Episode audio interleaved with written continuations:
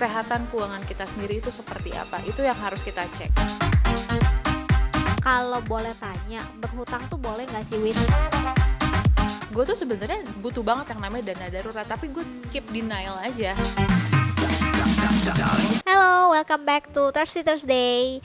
Hari ini saya mau ketemu sama satu orang teman yang dia keren banget karena namanya dan orangnya sering banget ada di media sosial. Kayaknya tiap kali buka Instagram story, eh muka dia lagi, eh suara dia lagi.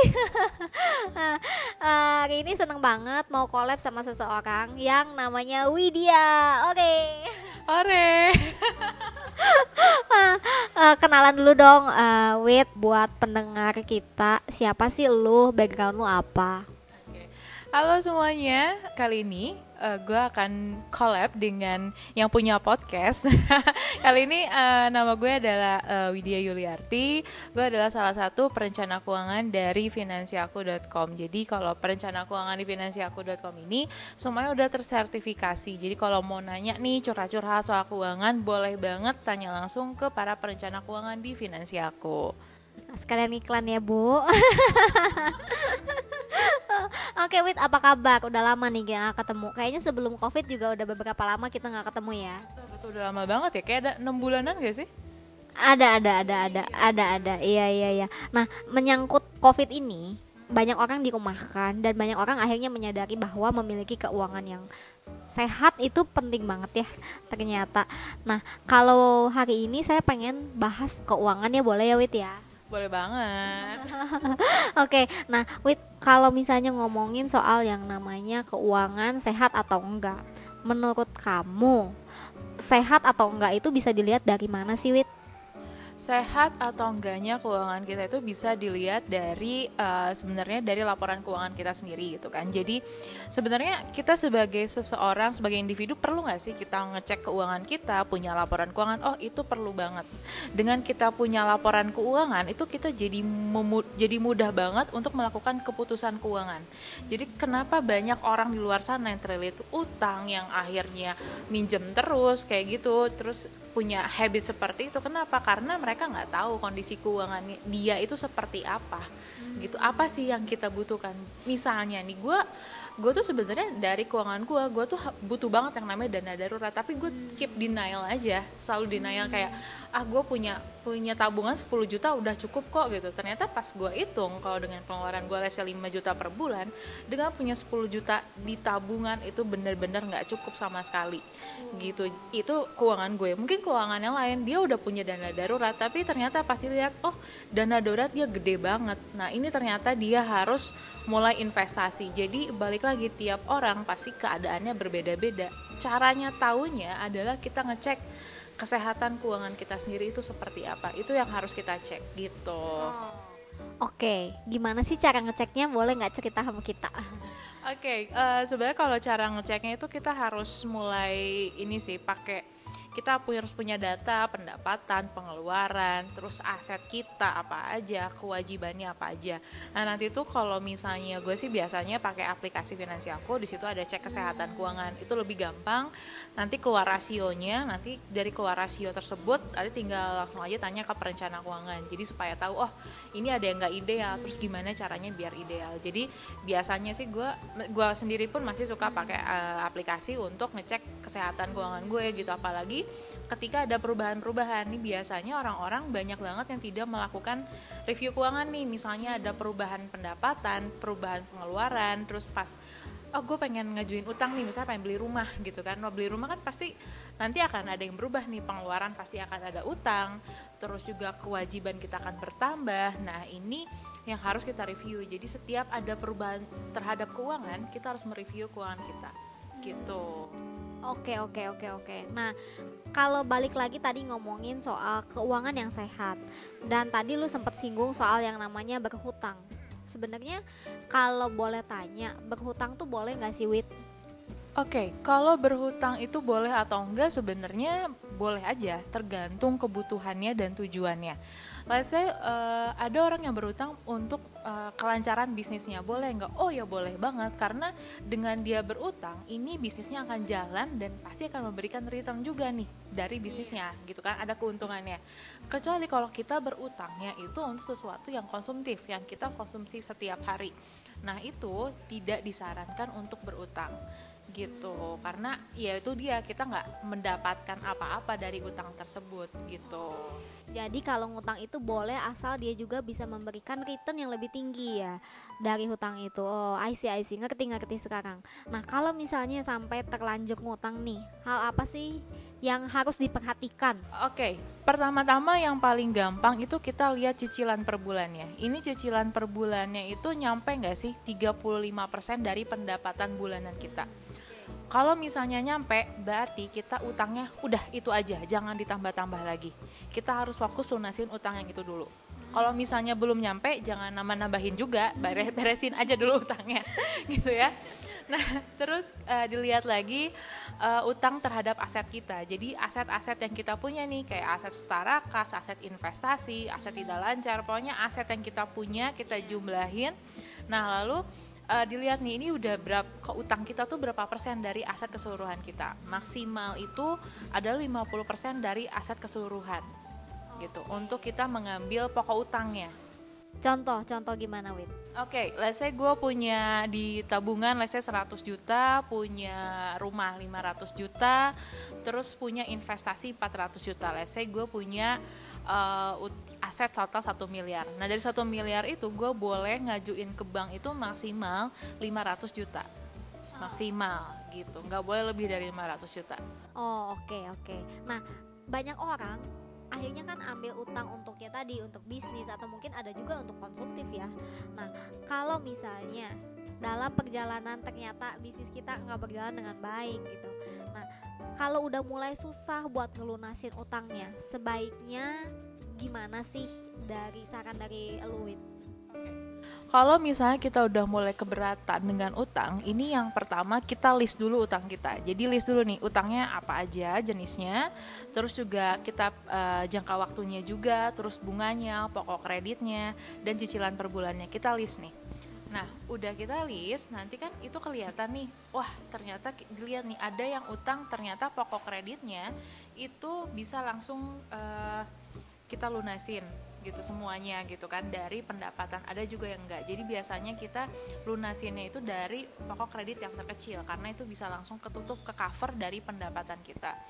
Nah uh, uh, terus uh, gue juga ada sih ini cerita klien gue yang memang uh, tentang utang gitu dia punya utang itu sampai 10 kartu kredit dan ada beberapa utang lainnya sampai KTA juga ada gitu dan iya. dia udah ngerasa keberatan banget karena dia dia itu adalah seorang karyawan dan juga uh, freelance dan dari freelance-nya dia ini malah lebih lumayan daripada gaji karyawannya dia hmm. tapi kenapa sampai sekarang dia nggak pernah punya tabungan sama sekali padahal gaji dia itu kalau di, dilihat di atas kertas itu wah ini harusnya dia bisa nih bayar dia bayar utang itu harusnya bisa jalan punya tabungan juga jalan. Nah ternyata dia nggak ngerti. Dia nggak ngerti gimana caranya dia harus ngelunasin utangnya gitu. Karena ini utang kan jatuh temponya beda-beda nih. Ada yang tanggal 1 misal tanggal 1 tanggal 5 tanggal 10 gitu. Sedangkan e, gaji dia yang pasti hanya di tanggal let's say di tanggal 1 gitu kan yang lainnya kan nggak pasti nah itu dia nggak tahu harus bisa uh, saving berapa atau harus menyediakan cash berapa tiap tanggal tersebut supaya utangnya tertutup gitu kalau misalnya kejadian kayak tadi ya, udah punya 10 kartu kredit, udah punya pekerjaan utama dan freelance. Nah, gimana tuh uh, solusi dari Widya sendiri? Oke, okay. solusinya adalah kita itu balik lagi kita ngelis dulu nih, list dulu utangnya seperti apa. Terus kita juga harus tahu uh, jatuh temponya tanggal berapa aja. Dari situ kita ketahuan nih, oh ternyata dari tanggal di tanggal 1 itu gue harus punya let's say uang 5 juta untuk bisa ngelunasin let's say 5 kartu kredit yang jatuh temponya itu dari tanggal 1 sampai tanggal 10 let's say kayak gitu. Nanti tanggal di tanggal 10 sampai tanggal 15 dia tuh harus nyiapin uang let's say 10 juta buat ngelunasin yang kartu kredit uh, yang jatuh tempo tanggal 10 sampai 15 nanti dari tanggal 15 sampai tanggal 1 dia harus punya cashnya let's say 5 juta untuk ngelunasin utang lainnya. Gitu. Jadi uh, karena mereka nggak tahu dan mereka juga rasa nggak pernah ngitung juga kayak ya udah los aja uang keluar ya udah ditagi ini keluar lagi ini keluar tanpa adanya pencatatan ya jadinya ya itu ambiar gitu kan. Nah itu yang harus kita lakukan gitu. Nah ini kejadian menarik kalau misalnya beliau itu misalnya ya Wit bayarnya cuman minimum payment. Dia banyak orang tuh yang ngomong gitu minimum payment. Ternyata kaget banget ngelihat di kartu kredit kok tagihannya sampai berkali-kali lipat dari biaya yang dia pakai. Nah kalau udah kayak gitu harus gimana? Kalau udah kayak gitu mau nggak mau harus ditutup pelan-pelan. Karena uh, jadi kalau misalnya nih biasanya kalau kita kerja kan suka ada bonus atau apa yang bonusannya itu kita pakai untuk nutup utang kartu kredit. Itu dulu difokusin. Kalau misalnya nggak punya bonus atau uang lain-lain kan itu kan katanya kita bisa ngobrol sama pihak bank. Uh, itu ada yang namanya restrukturisasi utang. Jadi kalau misalnya kita punya utang kalau misalnya kita merasa keberatan itu ada baiknya kita uh, ngomong sama pihak yang peminjamnya ini bisa nggak ya kita restrukturisasi? Maksudnya bisa nggak jangka waktunya diperpanjang atau bunganya diperkecil? Gitu. Nah, itu kan pasti ada konsekuensinya gitu kan. Misalnya kalau jangka waktu diperpanjang, oke okay, berarti uh, cicilan per bulannya lebih kecil, uh, tapi ya lebih panjang aja jangka waktunya. Itu juga bisa gitu. Yang penting kita bisa uh, melun kita punya itikat baik untuk melunasi utangnya. Nanti kalau kita misalnya ada bonusan, ada rezeki gitu kan, atau misalnya kita punya aset yang bisa kita jual, nah uh, itu bisa menutupi utang itu. Oke, oke. Nah, menyangkut sama masih ngomongin utang nih. Kan di masa uh, COVID-19 ini banyak banget orang yang terdampak ya. Semua lapisan, entah itu karyawan, entah itu pengusaha. Dan akhirnya banyak orang yang kehilangan income atau mungkin di PHK atau mungkin digajinya dipotong. Nah, dengan seperti itu orang-orang jadi sadar bahwa mereka itu memerlukan sama satu hal yang namanya dana darurat.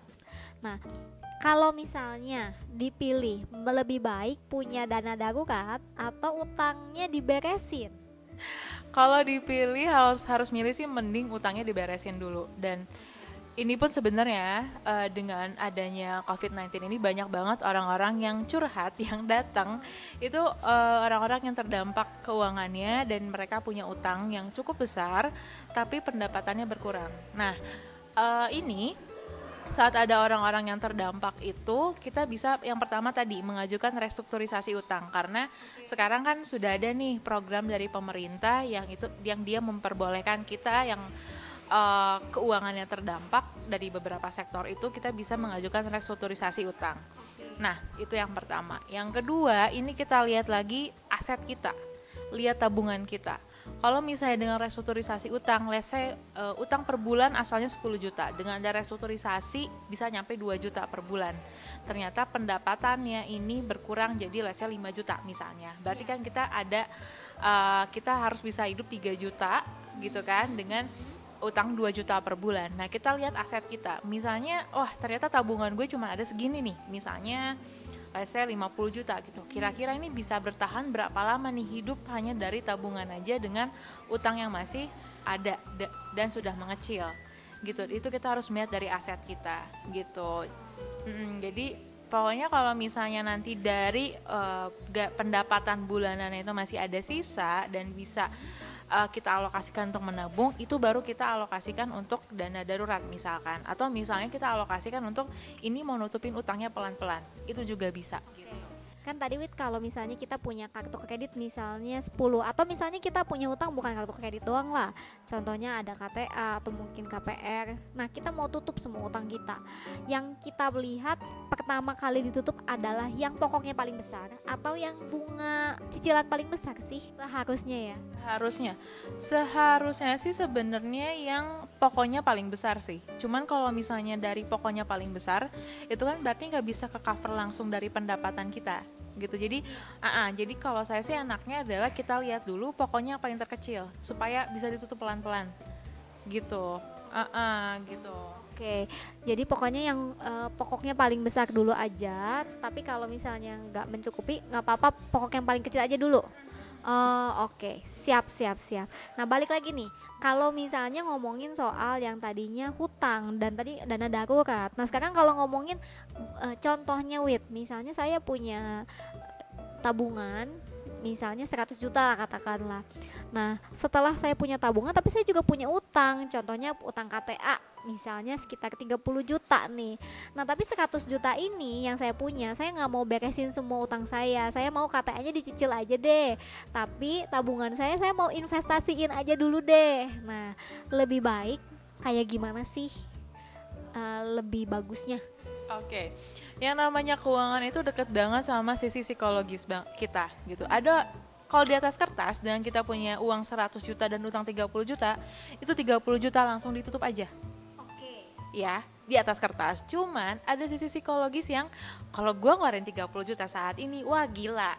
Iya, uang yang gue iya kan gede banget. Uang yang gue uh, simpan selama ini gue saving selama ini habis hanya dalam satu hari gitu kan. Ada sisi psikologisnya.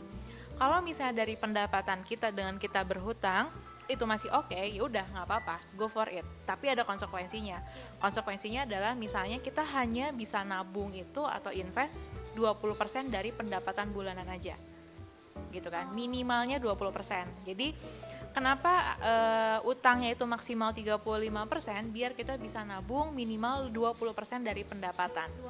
20%. Jadi kalau misalnya 20% pendapatan, 35% utang, 45% itu untuk kebutuhan sehari-hari. Gitu. Nah, jadi uh, sebenarnya akan lebih baik kita tutup aja utangnya dan nanti nextnya and the next month kita bisa nambahin lagi si tabungan itu dari pendapatan kita yang sudah tidak ada utangnya nanti pas pengeluarannya gitu. Oh, oke. Okay. Wow, hari ini kita banyak banget dapetin insight tentang hutang tuh uh, membukakan ya. nah, berarti kalau misalnya saya bisa ambil kesimpulan ya, uh, with berarti yang namanya hutang itu sebenarnya boleh-boleh aja. Asal disertakan dengan tujuan yang benar juga. Kalau misalnya kita pakai hutang untuk tujuannya contohnya untuk konsumtif, beli barang-barang branded yang gak menghasilkan, pada akhirnya itu juga sebenarnya nggak boleh. Tapi kalau kita berhutang untuk usaha dan lain-lain yang menghasilkan sesuatu yang lebih besar, tentunya nggak masalah. Tapi kalau misalnya sampai ada permasalahan di dalam uh, meng mengatur keuangan atau hutang, mungkin kita semua bisa kontak Widya ya. Nah, Wid, boleh nggak kasih kita saran dari sisi lu sebagai perencana keuangan? Bagaimana sih ngatur keuangan yang baik nih sebelum kita tutup? Oke, cara pengaturan keuangan yang baik itu yang pertama itu baik lagi kita harus memahami uh, keuangan kita seperti apa gitu kan. Tak kenal maka tak sayang, maka kita kenali dulu nih si keuangan kita seperti apa. Jangan banyak denialnya. Nah dari situ itu biasanya ketahuan uh, masalah utamanya apa. Terus jangan lupa juga untuk bikin anggaran keuangan bulanan dan catatan keuangan harian. Ini yang paling gampang dan paling jarang juga orang-orang melakukannya karena ribet juga. Padahal itu langkah yang paling awal, langkah yang paling mudah, itu jangan lupa. Nah dari situ biasanya akan ketahuan di mana aja kita borosnya, gitu kan? Eh, kita bisa berhemat gak sih? Itu ketahuan banget dari situ dan jangan lupa mindsetnya di awal bulan itu mengalokasikan nabung dan investasi bukan disisihkan di akhir iya. gitu setuju setuju.